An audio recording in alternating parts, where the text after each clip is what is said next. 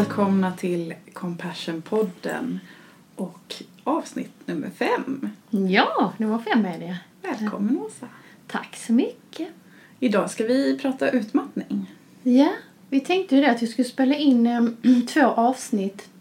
Den ena som är, eh, är jag på väg in i väggen? Alltså hur känns det om man är på väg in i väggen och eh, kan man eh, hindra det eller förebygga eller kan vi liksom stoppa det i tid? Och ta in självmedkänsla där också såklart. Hur kan man med hjälp av självmedkänsla hjälpa sig själv för att inte bli sjuk i- stress? Och det andra avsnittet då kopplat till, okej, om jag då har gått in i väggen, hur kan jag hjälpa mig själv då och bli bättre? Um, både du och jag har ju jobbat mycket med stressproblem, utmattning Ehm, och eh, jag tänker att där är ju eh, eh, ett, det är ju väldigt vanligt problem. Vi träffar ju väldigt många i, idag som är stressade. Så att, att skulle vi kunna hjälpa till med de här två avsnitten så hade det varit fantastiskt. Och vi har båda också personliga erfarenheter av Ja, stress och utmattning. Ja. Så vi kan dela med oss också av. Mm. Hur är läget med dig idag? Jo men det är bra, lite stressad. Ja. Det, ja, lite Ja. stressad. ja. Lite så. ja.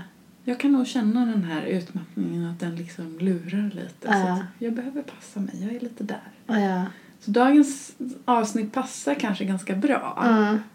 Ehm, för det, det är väldigt mycket där jag är just nu. Mm. Att, att, att tänka på de här grejerna som vi ska Mm. prata om idag. Att, att ha det med sig. För jag tänker att det här är inte någonting som eh, man är immun på, mot på något sätt. Utan det här kan drabba oss alla när det blir för ja, mycket. Absolut, och jag tänker att eh, eh, just nu eh, som till exempel du och jag, alltså det är ju situation också, nu är vi lite olika, du har småbarn och du vet du delar med mig med hela det här att så fort han är snuvig får han inte vara på förskolan och du måste boka om och det är hela tiden en beredskap på det. Eh, och jag är då i en fas i livet där jag har större barn i. Mm. Så att eh, där är ett lite lättare situation för mig på den. Så situationen påverkar ju såklart Precis. um, ens hastighet eller vad man behöver liksom eh, hålla på med.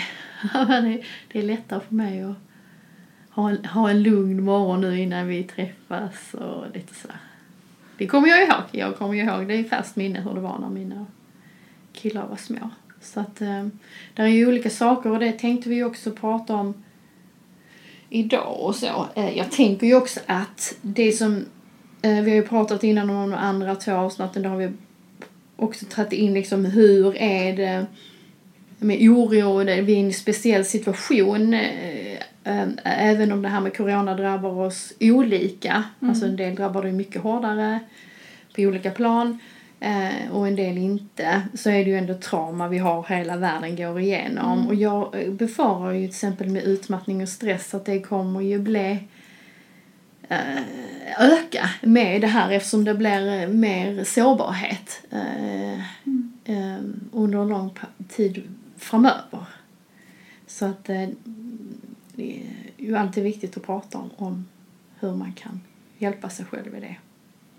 Ja, jag tänker väl att vi eh, har fått tillfälle, att väldigt många har fått tillfälle att sakta ner nu. Att Mm. det också kanske ställer saker i sina perspektiv och Mm. får oss att fundera lite över Mm. men vad är det för tempo jag har? Ja. Eh, vill jag ha det så? Mm. Eh, och jag misstänker att när folk börjar återgå till sina arbetsplatser att, att det, man också kommer känna ett visst motstånd i att nej men Det går för fort. jag, jag, det går för fort och jag vet Mm. inte om jag vill ha det så här. Jag, vill inte, jag vet inte om jag vill tillbaka till det där Nej. ekorrhjulet som jag var i Mm. innan. Alltså jag tänker att ibland när vi är stressade så så länge vi är mitt i det Mm. Så märker vi inte riktigt av det Och utan det, det. bara rullar på Det är liksom. sant och det är en av farorna. För jag tänker så här, om, i dagens avsnitt då handlar om hur vet jag om jag är på väg in i väggen? Vad är signalerna? Vad är stress och vad är det så? Alltså, stress i sig är ju inte farligt. Vi behöver ju känna den känslan av stress eh, för att vara beredd på saker. Alltså vi behöver få igång hela processen med eh, Alltså det handlar ju om att eh, hjärnan ger en signal ner till våra binjurar om att eh, nu behöver ni skjuta ut kortisol, stresshormon, för att eh, jag behöver vara beredd på att springa eller på att fokusera jättemycket på en uppgift för att klara den. Så det är ju fantastiskt att kroppen kan göra så blixtsnabbt.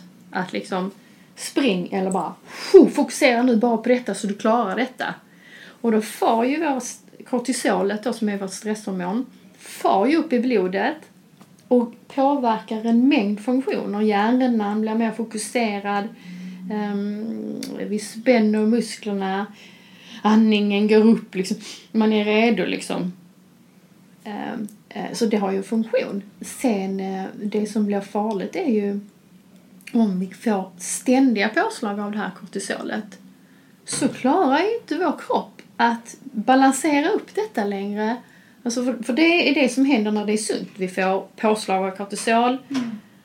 stresssituationen är över, kroppen naturligt balanserar ut så vi har lägre nivåer igen i blodet och så är det liksom fine, det sliter inte på oss. Men om vi har för mycket av de här påslagen hela tiden så kraschar hela det här balanssystemet. Mm. Och då klarar inte kroppen av att trycka ner kortisolhalterna i blodet längre utan då går vi ständigt med höga kortisolhalter i blodet och det är det som är riktigt farligt för oss. För det tar på både vårt psyke, på vår hjärna, på vår kropp. Alltså det är, eh, kan göra att vi får problem med magen, alltså att det fungerar inte slemhinnorna som det brukar. Alltså IBS eller eh, magkatarr, alltså högt blodtryck, eh, Um, inflammatoriska tillstånd. Inflammatoriska tillstånd. Um, och då även psykiskt uh, och mentalt påverkar oss för hjärnan tar ju jättemycket stryk av att vara på så på det här, uh, liksom, det här uh, orosberedskapssystemet liksom hela tiden och det sliter ju och det är det som gör att celldelningen inte fungerar som det ska och då får vi sämre minne, vi får koncentrationsproblem. Det har jättemånga av mina patienter har det, kognitiva problem som man säger. Mm. Alltså att man kan inte komma ihåg saker, man kan inte fokusera, man kanske inte kan läsa som man har gjort innan. Eh, och ångest och oro ökar. Mm. Man är orolig för en massa saker som man kanske inte har varit innan. Så där är ju starka följder av en, en långvarig stress är ju farlig för oss, inte kort. kort. Och du är lite inne på att det, här, det är någonting gott i det här, den här stressresponsen. Men jag tänker att systemet är gjort för korta duster av mm. stress. Alltså typ eh, vi identifierar någonting som är hotfullt, vi dealar med det och sen så ska man liksom gärna återgå till någon form för normaltillstånd med liksom mm. låga kortisolnivåer och mm. sådär. Um, och jag tänker det som blir problematiskt är när det blir det här ständiga påslaget mm. där vi inte får yeah. lugnet igen. Som blir någon form för, för ständigt hot i, mm. i, i hjärnan och mm. kroppen. Ja, det, det är sant. Och om vi pratar självmedkänsla där så kan man ju se att självmedkänslan är ju ett annat system i hjärnan. Um, man brukar kalla hot fara systemet stress för det röda systemet. Mm. Um, i, i, inom compassion, så röda systemet, stress, det är överaktivt då. Mm. Och man brukar prata om det gröna systemet, alltså vår självmedkänsla där. Uh, och om man är mycket i stress länge så är man mycket i det röda och det blir blockerat i det gröna, man kan inte riktigt nå och det är inte aktivt liksom. Att det här kloka, lugna, delen av en själv får man inte riktigt kontakt med. Jag tänker att vi behöver skilja lite på mm. det, det, liksom det här gröna som du mm. pratar om blir mm. det här parasympatiska mm. vilket är, mm. är liksom ett lugn i kroppen. Mm. Det är en förutsättning för att vi ska kunna hitta den här medkänslan. Absolut. Eh, men kanske inte är det i sig utan att Men, men att vi, det är det som är, det är egentligen det vi ska återgå till när vi har haft ett stress, stresspåslag. Mm. Det här lite att allt är lugnt, jag är okej liksom. Man kan säga att det är en väg till att lättare nå självmedkänsla. Absolut. Ja. Absolut. Det är svårt att göra Det. det. Man kan ju bara lugna ner sig men man kanske ändå inte får kontakt med självmedkänslan. Nej, precis. Nej. För det kan ju vara en skillnad i det såklart. Det kan vara mer komplext Ja. än så med självmedkänsla såklart. Uh, Också det här att när vi är väldigt stressade så tenderar vi att bli eh, ehm, lite, lite smala i vårt fokus. Att vi blir väldigt fokuserade på men jag ska bara hinna med det här, jag ska bara göra det här. Vi tappar ganska ofta fokus på andra människor.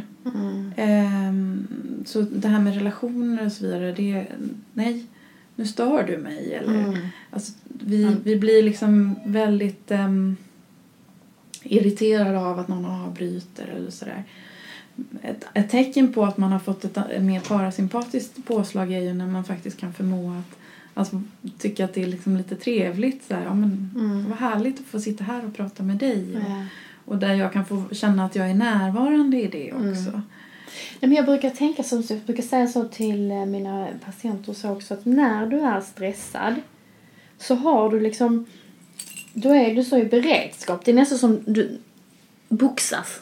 Alltså du vet, du har eh, boxningshandskarna på och du är liksom ehm, eh, du är beredd på det va? Och, och, och, och det är de känslorna där man är beredd. Men lugn och glädje och kanske du vet det här du säger att connecta med andra och så. Då har man liksom tagit ner boxningshandskarna och slappnar av och är öppen liksom så. Så att det är svårt att nå den då utan då ska man vara beredd att uh, oh, fightas igen liksom när man är stressad. Ja. Men jag tänker så, varför, för det ökar ju stress och så. Eh, vi har ju väldigt många eh, klienter som är med stress i då olika nivåer. Så om vi skulle säga att det avsnittet nu handlar ju om stresssymptom. Alltså är jag på väg in i väggen, har jag stresssymptom? Och det brukar man kalla då bara för att man har eh, utmattningssymptom. Eh, ett allvarliga läge är ju om de här utmattningssymptomen pågår för länge och blir ett utmattningssyndrom. Mm.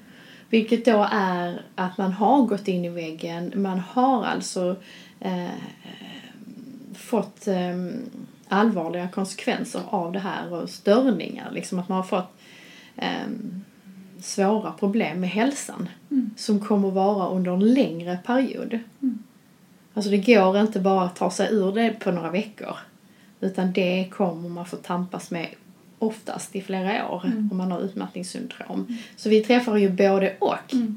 Jag är så lycklig när jag träffar människor som jag förstår det här utmattningssymptom. Mm. Och jag kan liksom hjälpa dem, vi kan vända det och de liksom blir inte så sjuka.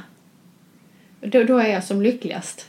När jag liksom i tid hinner träffa någon och det känns precis som att man hinner stoppa ett skenande tåg liksom.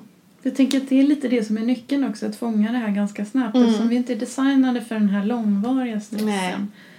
Utan att vi behöver faktiskt kunna få växla lite mellan, okej någonting blev väldigt stressigt, jag lugnar ner mig igen. Någonting blev stressigt, jag lugnar ner mig igen.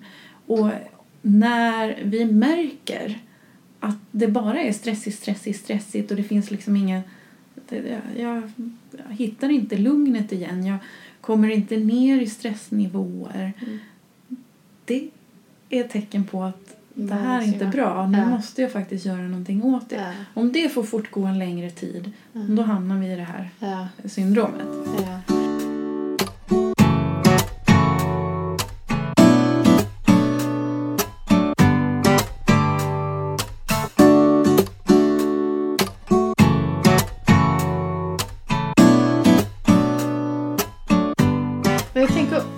Varför tror du att, att det ökar oss? Ja, jag tänker att, att ehm, för det första är ju inte vi designare kanske riktigt för det här samhället som vi lever i. Nej. Ehm, vi är designare för korta duster och stress. Men vi har ett samhälle som hela tiden triggar väldigt mycket stress. Det är mycket som handlar om prestation. Det är mycket som handlar om hur jag är och ser ut. Mm. och eh, vem jag är. Mm. Eh, som också triggar det här. Det triggar väldigt mycket av det man skulle kalla ett socialt hot i oss. Mm. Och det är det jag tänker om man har lyssnat på avsnitt ett där vi pratar om introduktion till compassion. Då nämner vi skillnaden mellan självkänsla och självmedkänsla. Där vi i, i ett prestationssamhälle får liksom på oss en självkänsla som är prestationsbaserad. Där det hela tiden blir ett jakt på mitt värde jämfört med andra. För där tänker jag är en jättestor bit till varför det ökar. Att vi lägger så stor vikt, vikt på vårt värde i prestation. Så att det blir ju nästan som en drog att fylla upp liksom hela tiden att vem är jag nu? Och, alltså att få den här kicken Mm. av att jag är värd och, och jag är, är bra i relation till andra. Som du säger, hur, liksom, hur långt bak ligger och hur djupt ligger det hos oss att socialt liksom får jag tillhöra? Är, är jag godkänd? Liksom så. Det, Och jag tänker att det är lätt att tro att det här är någonting som jag skapar för mig själv. Eh, men det är det ju inte. Vi matas hela tiden av bilder om hur vi ska vara för att vara lyckade människor. Mm. Eh, hundratals bilder varje dag som ligger där och liksom ligger som någon form för mall i vårt huvud också. Att Det här, för att jag ska vara en lyckad, lyckad person som är okej i dagens samhälle så ska jag liksom Ja, men jag ska kunna göra alla de här sakerna och vara lycklig Mm. med glada ansikten. Mm. Jag ska kunna eh, renovera och baka och vara en bra mamma Mm. och eh, ha en karriär och träna och så vidare. För att, för att kunna motsvara den där bilden. Och realiteten är att det, det, inte, det, det går inte. Nej, det är orimligt. Det är helt orimligt. Ja. Men det skapar en bild i vårt huvud som, Ja, där- som vi försöker leva upp till. Och där också. tänker jag att det är bara... Alltså där är ingen... Jag, de som säger men jag är inte så påverkad av det så tror inte på det. För att vi har en hjärna som tar in information hela tiden.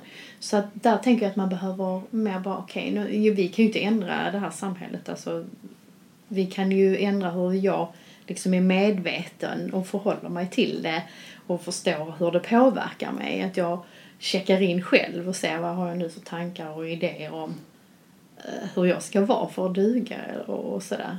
Ehm, tekniken är ju också en fantastisk ehm, eh, underbar eh, som vi kan använda så till så många olika saker idag och hålla kontakt. Tänk bara i den här coronatider, vad hade vi gjort utan den här tekniken? Liksom. Mm. Den har ju räddat oss mycket nu med alla digitala möten.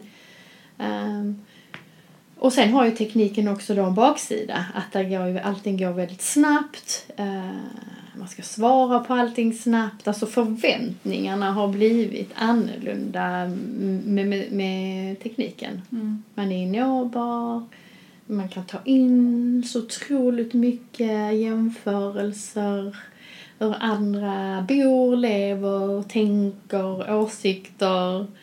Ehm, in, om vi innan hade kanske en social grupp, jämförelsegrupp på 30 personer så har man liksom tre, 30 000 personer nu. Nej, men som man tar in bara från hela, la- eh, hela världen liksom. Mm.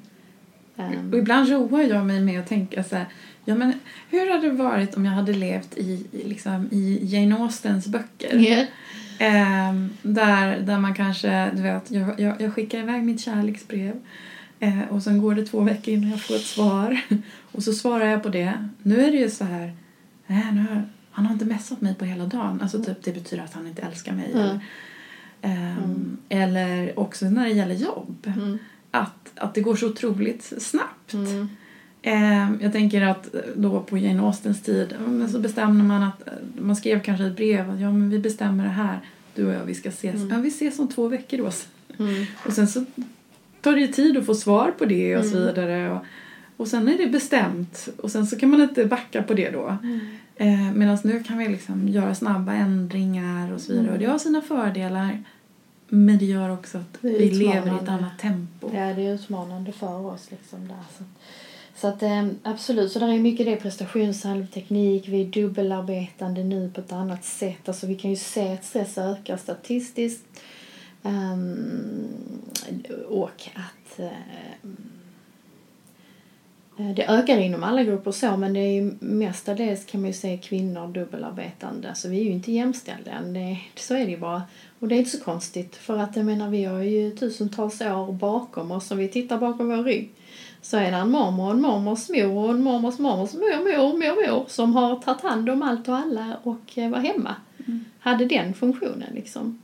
Ehm, och Den- så nu är vi bara andra generationen där vi dubbelarbetar och har ideal av att vi ska ändå omsorg och ta hand om och, och sådär. Så att, eh, Och den heltidsarbetande kvinnan har ju inte faktiskt, alltså yrkesarbetande hel, Mm. heltid, Mm. den kvinnan har ju inte funnits särskilt länge. nej.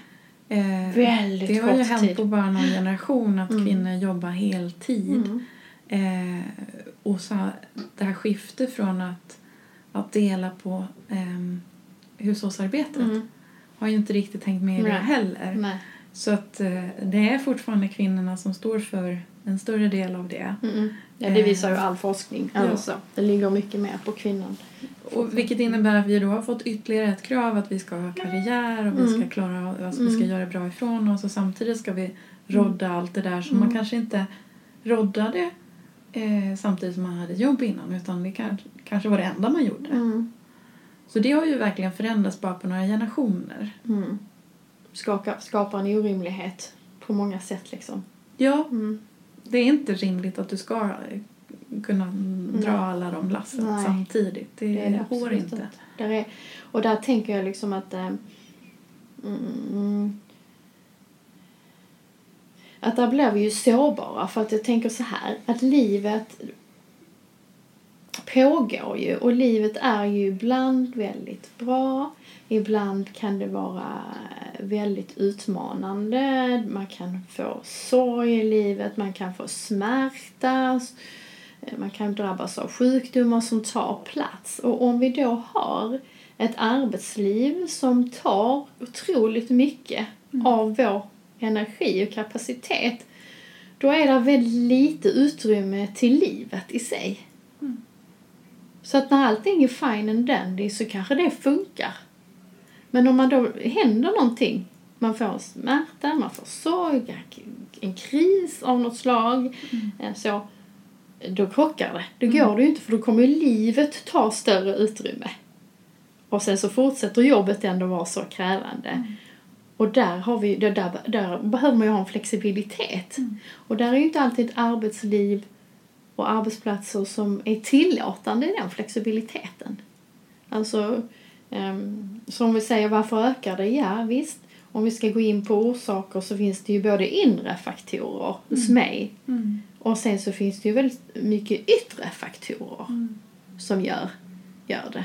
Alltså om vi ska gå på yttre faktorer så, så kan det ju vara att saker som jag får skitont i ryggen till exempel och sover inte på flera månader. Mm. Ehm, eller jag får en ny chef som inte lyssnar på mig och som bara bokar in en massa grejer. Eller, ja, du förstår vad jag menar. Och helt plötsligt, eller jag får ett barn med en diagnos som tar jättestort utrymme.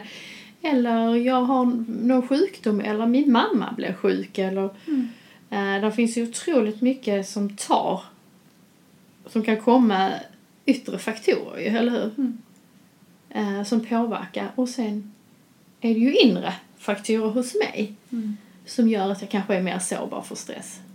Vad tänker du, vilka kan det vara? Ehm, Jag tänker om vi har väldigt höga krav på oss själva och att, eh, och att, att vi kanske inte har kanske att vi har mycket föreställningar om hur det ska vara så kan det bli en, sån inre orsak som gör att, att det blir svårt.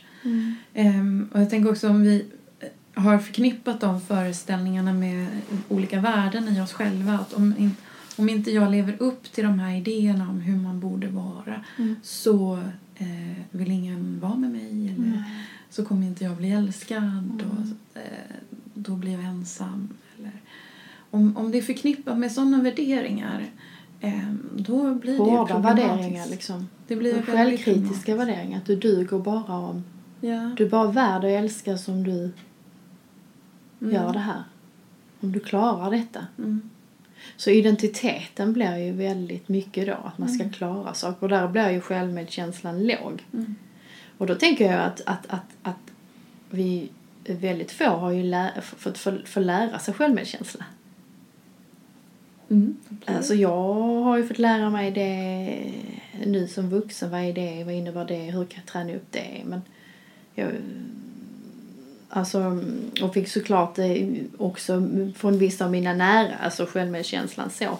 Men i själva samhället och så har jag ju aldrig fått lära mig direkt. Jag har ju fått mer lära mig självkänslan prestationsbaserat. Mm. Att jag är okej om jag uppfyller mina mål eller Och vi har ju, vi har ju också ett, ett samhälle där vi fokuserar mycket på det. Eh, Mm. Alltså typ att det ska vara Mm. bra betyg och Mm. uppfylla sina mål och göra bra ifrån sig. Mm. Och jag tänker att det, det är ju eh, fint i sig så. Men om det är det enda jag har fått lära mig. Mm. Om jag inte har fått lära mig att jag är okej som jag är. Mm. Då har du liksom inget annat att balansera upp med heller. Eh, Och då blir det, alltså, då blir ju stress självdestruktivt också. Alltså att man inte, man tappar kontakten med den här uh, självmedkännande, vänliga, kloka sidan av sig. Man går in i, i att ehm, jag måste det och alltså, jag måste göra det och, och, och sådär. Och, och, och kanske helt ignorerar eh, signaler som man faktiskt har som visar att eh, jag mår inte så bra. Jag har ont där, där och jag liksom behöver sakta ner. Men identiteten och värdet och jakten på det blir så starkt så att du ignorerar vad din kropp säger. Mm. Och vad dina behov är.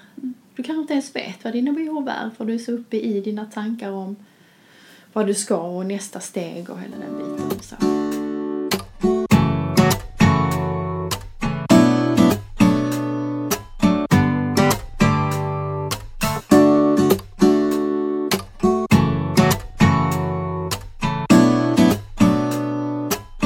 Jag tycker också att det kan man behöva fått med oss hur man varvar ner. Ja. Eh, och det är inte heller säkert om man har fått. Jag tänker också att det hänger lite ihop med att, att samhället har förändrats ganska snabbt på ganska kort tid. Mm. Så det har ju inte varit så viktigt heller kanske att lära, eh, lära barn att stänga av, varva ner, eh, hitta ro som det är idag.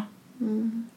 Så det är inte säkert man har fått med sig det heller. Att det här, hur- gör man när man liksom tar det lugnt? Hur gör man när man liksom bara slappar och inte presterar, bara chillar? Mm. Och vara tillåtande till det. Alltså man ska också vara medveten om att om man har stressat under en längre period så kan det bli direkt obehagligt att varva ner. Det kan bli direkt obehagligt av att sätta sig ner och, och ta det lugnt liksom. För att, eh, för att hjärnan är ju i beredskap och är stressad. Så att om du tänker nu ska jag bara sätta mig här, kanske eh, min psykolog sa att jag skulle meditera och, och, och, och, så gör man det och så ska man sätta sig där och så bara hjärnan tjattrar och nej det här blir jag ju ännu värre av, det är inte min grej, tänker man då. Mm. Men det är ett tecken på att det är för mycket och då är, då är det det man behöver. Mm. Det är det man behöver träna sig ge utrymme för. Och att det kan, det kan vara en, ganska svår väg att nå den känslan Mm. när man varit för länge i stress. Och jag, jag är fortfarande väldigt förundrad över att, att, att kroppen har... Även, även om jag har själv tränat på det där med, med att varva ner och så vidare så händer det ju också mig fortfarande när jag då ska börja varva ner. Då är det ett motstånd i det. Alltså typ kroppen vill inte riktigt. Den liksom, kroppen vill bara nej men det måste, det, jag har saker att göra, jag måste och dittan och dattan och så vidare. Och någonstans har jag bara varit tvungen att, att liksom gå in i ganska mycket acceptans i att ja, nu gör min kropp så här, Mm. nu gör min hjärna så här. Mm. Men jag måste bara sitta en stund Mm. och bara göra ingenting. Och faktiskt stå ut med Mm. det här som drar igång i mig istället. Och att stå ut med att det inte nödvändigtvis behagligt precis i början. Nej. Och nästan närmast vänta in att lugnet infinner sig. Och när det väl infinner sig, ja men då är det ju behagligt. Ja. Men den första biten där, den är inte nödvändigtvis behaglig på något sätt. Nej. Nej, det behöver inte vara. Men jag tänker om, om du skulle säga vad är ett tecken på att jag är på väg in i väggen? Vad skulle du säga är tydliga tecken som man ska vara observant på?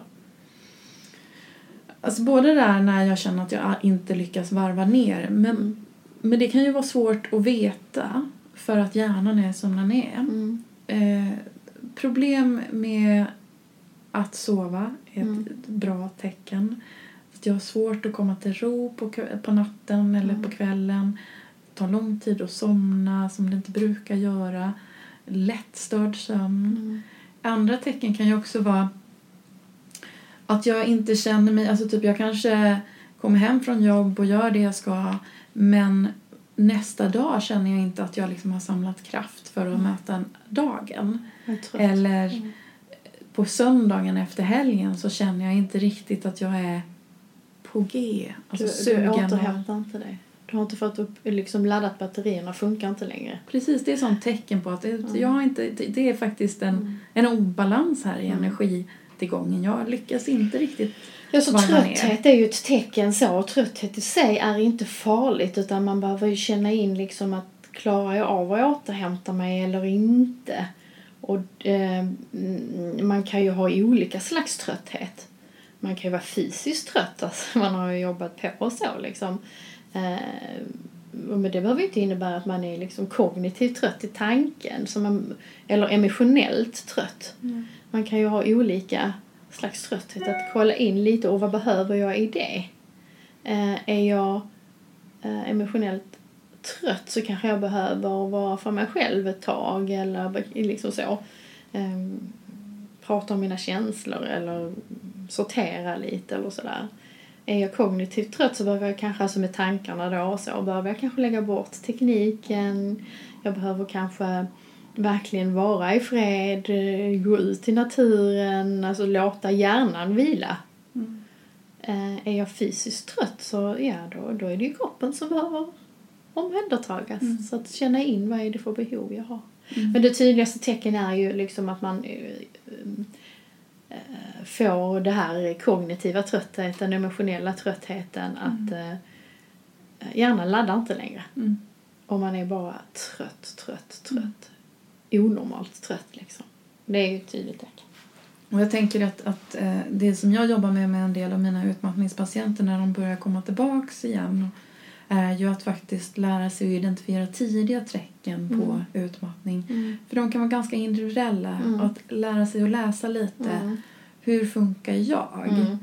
Eh, Jag till exempel insett att när jag hamnar i någon form för hopplöshet Mm. Det är ett av mina allra tidigaste tecken på utmattning. När jag börjar känna så här att, att, att världen är emot mig. Mm. Eh, Negativa tankemönster. Ja. Eh, Man känner sig nedstämd. För det är liksom som, som jag säger, stressar man för mycket så får inte känslan glädje får inte plats. Mm. Inte springa här och skratta och vara glad när, när det är så mycket att stressa över. Alltså, Mm. den tillåts ju inte riktigt. Så det är ju ett tydligt tecken när man inte känner kanske den här glädjen eller att det känns så här, åh, liksom tungt, tråkigt, irritation. Mm. Kanske irriterad på människor runt omkring. För det kan ju säga att stress på det sättet har ju en enorm kostnad Mm. för dina relationer. Och inte minst ditt föräldraskap om du är förälder. Mm. Så är det ju verkligen värt att kolla in det här. Mm. Eh, för det, kan, det är ju jättestora och smärtsamma kostnader. Mm. För man kan inte riktigt vara en bra förälder när man är liksom uppe i stress hela tiden. Så. Och det som är fint med barn tänker jag är att, att de är ganska duktiga på att identifiera stress hos sina föräldrar. Gud, Så man kan, man kan också identifiera de här tidiga tecknen Mm. på barnen för Mm. att de blir oftast mer frustrerade, tappar tålamodet för att de känner en kontaktlöshet med föräldern. Ja. Och, och det är också ett tidigt Mm. tecken Ja. på eh, stress. Som du tänker så här, åh vad jobbigt mitt barn är nu.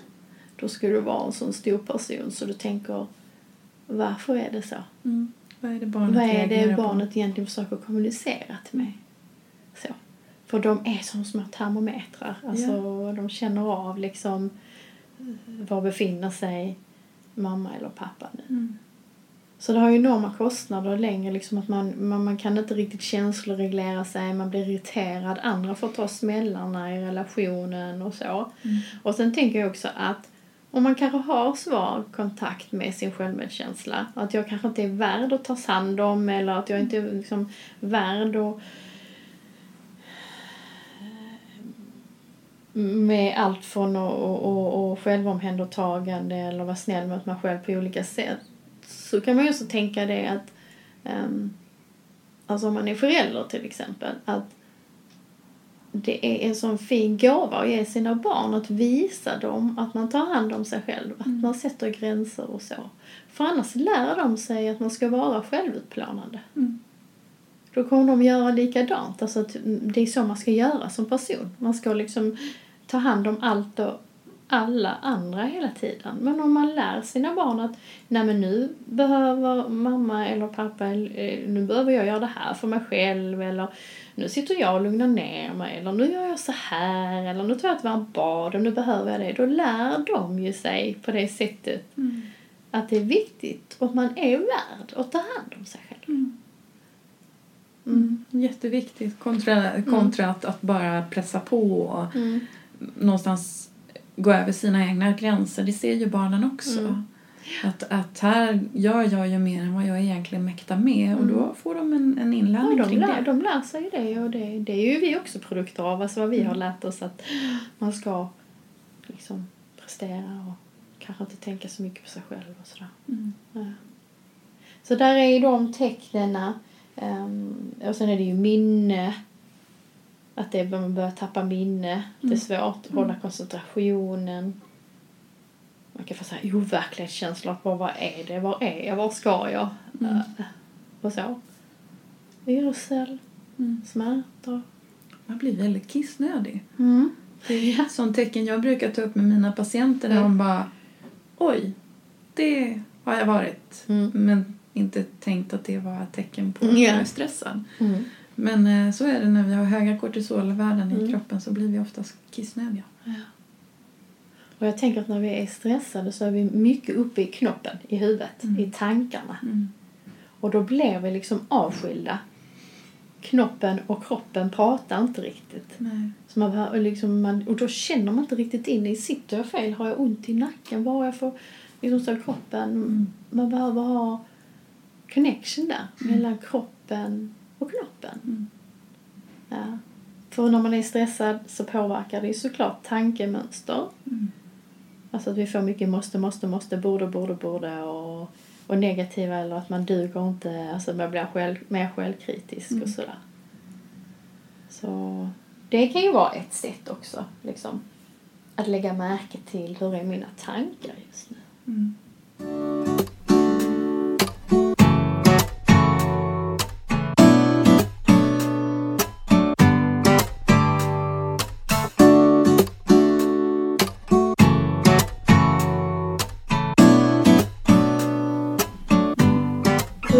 Varit för dig när du har känt av utmattning? Ehm, så jag tänker med åren så har jag blivit bättre på att fånga det tidigare. Ehm, så det har ju förändrats. Jag, det du beskriver där med att stänga av, alltså inte kunna känna in kroppen, Mm. är ju också det som har drivit på att det har blivit ganska djupa utmattningar tidigare. För Mm. att jag inte, jag har inte märkt att, Mm. att jag har gått och du vet, varit jättestressad Mm. en längre period eller jag har gått och spänt mig en längre period och så sa det ena gett det andra. Spänningen ger, blir ryggproblem som blir sömnproblem och Mm. sömnproblemen blir ännu mer stress och kognitiv svikt och så vidare. Alltså Mm. typ att det är många grejer som la, Mm. pålagras. Och kan för man- dig har det varit så att du har liksom gått in i utmattningssyndrom, alltså Mm. steg två om man säger lite mer allvarligt. Mm. Att du har fått kämpa dig igenom det Absolut, flera under gånger. längre, under längre perioder. Liksom, att du har fått jobba med det. Ja. Absolut. Så att, att, att utmaningen har ju också varit att börja liksom lära sig vad är mina tidiga tecken på utmattning. Ehm, vad är de allra, allra tidigaste tecknen? Mm. Och liksom på något sätt försöka fånga det Mm. innan det hinner att bli Mm. så otroligt låst. Mm, Eh, och för mig är Mm. jättetydligt tidigt tecken är att jag eh, försöker göra många saker på en gång. Ja. Eh, typiskt att jag liksom hattar runt en Mm. uppgift till en annan. Jag är Du blir snabb i dina rörelser. Ja, men inte så fokuserad. Du vet. Jag Mm. gör inte ens klart någonting. Mm. För jag bara, nej men det, jag tar det sen. Och så, ja jag gör lite här, ja jag tar det sen. Och, Mm. du vet, att det blir bara allting blir halvgjort. Mm. Ehm, och så blir jag ju stressad för det för jag blir ju inte klar med någonting heller. Ehm, så jag hattar runt och har typiskt så här 711 fönster på datorn öppna. Svar, börja svara på ett mejl, skriv inte klart. Mm. Ehm, så Mm. Att, att lära sig att i de stunderna faktiskt nej, Mm. en sak åt gången. Så, så fort jag känner stressen, nej, en Mm. sak åt gången och verkligen träna på att nu, nu behöver jag vara fokuserad och kan jag inte vara det så behöver jag göra det jag kan så att jag kan vara det. Mm. Ehm, och eh, sömnen, eh, få till en bra sömn, jätteviktigt. Eh, Mm. hjälpa mig själv att varva ner Ja. För att liksom mota bort det här Mm. tidigare istället. Mm. För mig är det nog mycket, om jag känner nu, det, det är nu mm, eh, glädjen. Alltså att jag känner att det inte är kul. Alltså det är ett tecken liksom Mm. så. Ehm, ehm, som jag tappar. Som jag, och, och mina måste-borde-tankar. Att jag får en jädra massa förslag från Mm. hjärnan. Om, alltså det är inte klokt vad den kan ge mig en massa förslag. Mm. Och nu säger jag förslag för det är ju faktiskt det det är. Mm. Tankarna är ju inga sanningar. Nej. Utan det är ju en spegel av min stressnivå. Mm. För är jag lugn får jag inte så mycket måste-tankar. Är jag stressad så kommer det en massa. Mm. Mm. Så Mm. det är, är, är liksom där. Så jag tänker om man, alltså, om man ska stoppa i tid ehm, så vill jag bara först säga så, ingenting är värt det.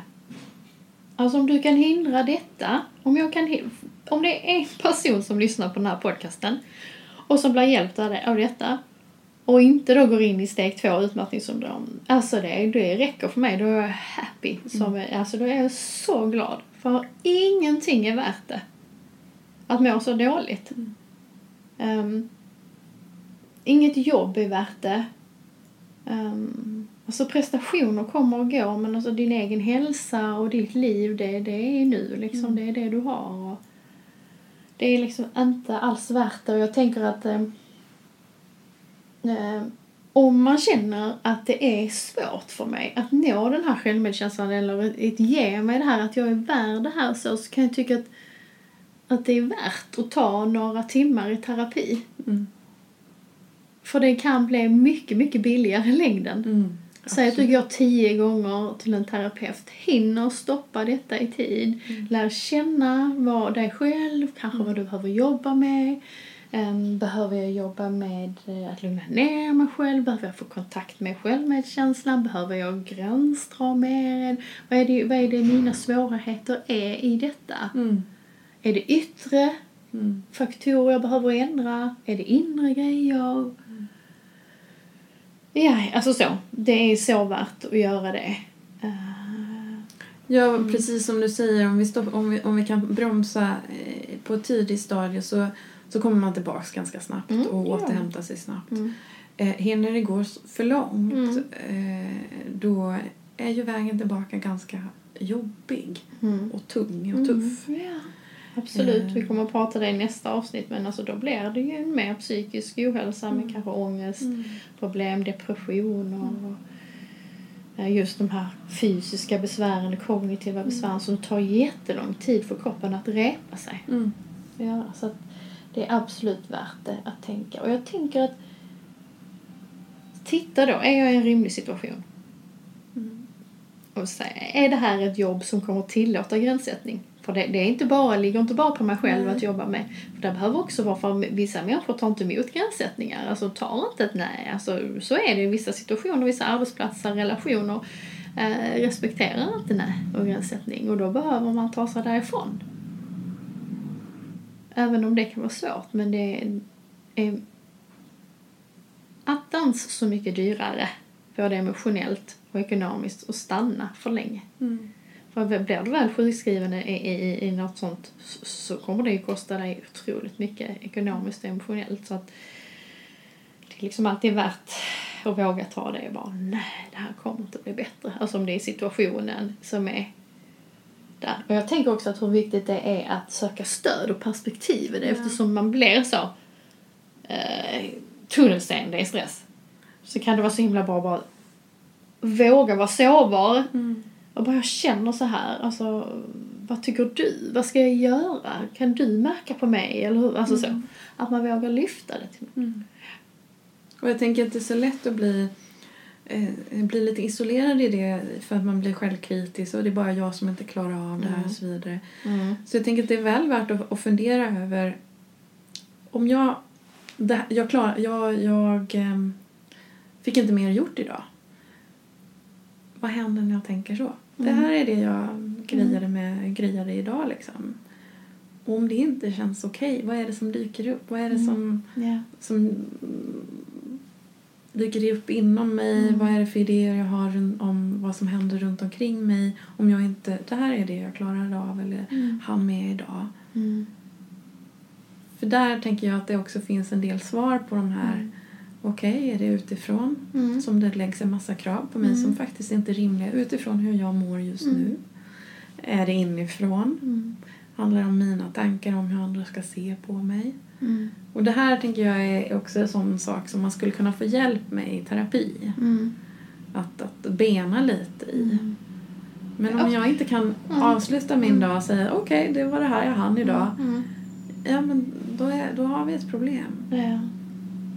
Och det krävs ju den flexibiliteten i livet liksom för att kunna möta situationer och eh, att jag är tillräcklig fast jag inte hinner eller att inte det funkar eller sådär. Mm.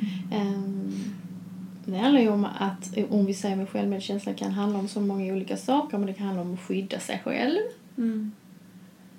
Vad behöver jag här nu i detta? Mm. um, stå upp för sig själv, gränssätta fastän det är svårt, uh, bekräfta mig själv i en Mm. känsla, motivera mig själv på ett bra sätt att ta steg som kanske egentligen är det, det är kanske egentligen så jag vill leva mitt liv. Jag tänker att det är också viktigt att om man känner det här att det här känns inte bra, bla bla, vad är jag på väg? Att våga ställa sig den frågan, vilket liv vill jag leva? Vilket liv vill jag ha? Mm. Vad kommer jag tänka på min dödsbädd? Vad vill jag tänka då? Och hur vill jag att folk ska se tillbaka på mig? Hur också? vill jag att mina närmsta ska säga kanske om mig? Mm. Vad vill jag känna liksom? Ja, nej, men jag... Chefen var ju nöjd med mig och jag hade fint hemma, städat och check på den liksom. Mm. Eller är det att jag bara vill känna att jag hade mycket glädje i mitt liv? Mm.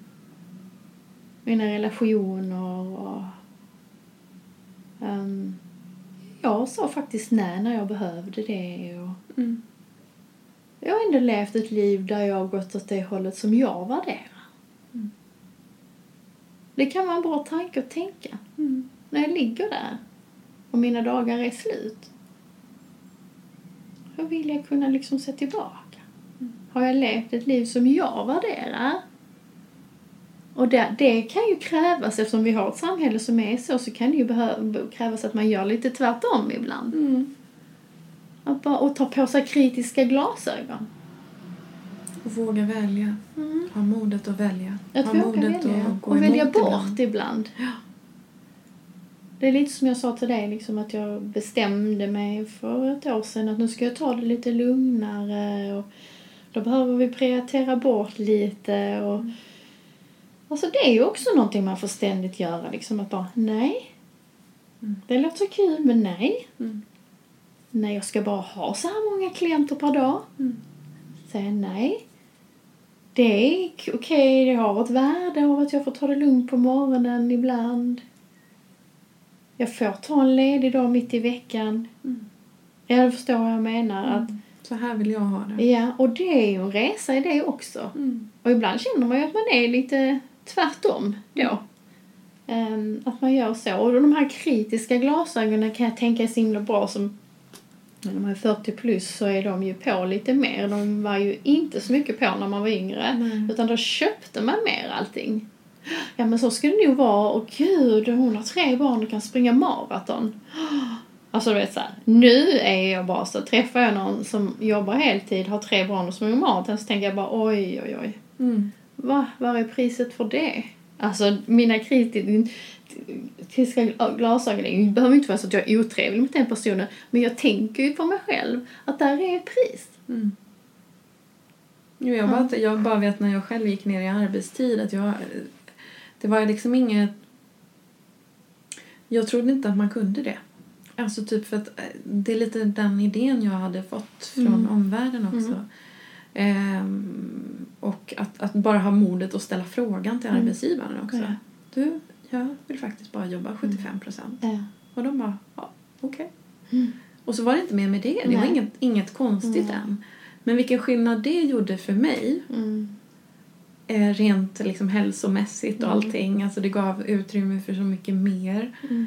Eh, och för arbetsgivaren de fick ju någon som faktiskt orkade vara där mm. och som jobbade på och mm. sådär. Att ibland, behöv, ibland kanske vi också har idéer om att, att det är mer trögt än vad det faktiskt är. Absolut. Så våga mm. ställa frågan, våga tänka lite annorlunda. Mm. Ja. Var modig i det. Mm. Mm. Vad jag behöver och så. Och det behöver inte vara att man ska bli en egoist. Alltså så. Um, det är ju, både du och jag jobbar ju med att hjälpa andra människor, alltså omsorgsyrken och så. Mm. Uh, och där är det ju extra viktigt att man har balansen. Mm. Att man tänker att man ger en och sen ger man en till sig själv, alltså den balansen. Mm. Uh, där är en sån himla bra övning i det. Att om, du om jag skulle be dig nu, Jeanette, och eh, ni som lyssnar, att ni ska sträcka era armar rätt ut. Håll dem rätt ut. Nu gör jag det. Mm. Nu har vi armarna rätt ut så. Mm. Efter ett tag så, så känner man ju axlarna, det går rätt snabbt, eller hur? Ja. Känns ju Faktiskt. tungt. och om man tänker att man lever sitt liv så, att man glömmer bort sig själv, men man tänker på andra. Mm. Och det kan, så att man ska bära andra, man ska vara till lags för andra för att vara värd för andra ska tycka om mig. Så då tar jag hand om den och på jobbet och så, ja, ja, men det, och så bär jag och bär jag. Och så kommer jag hem och så ska jag fixa och, och greja där så att mina barn och andra är nöjda runt mig eller, ja, då, så.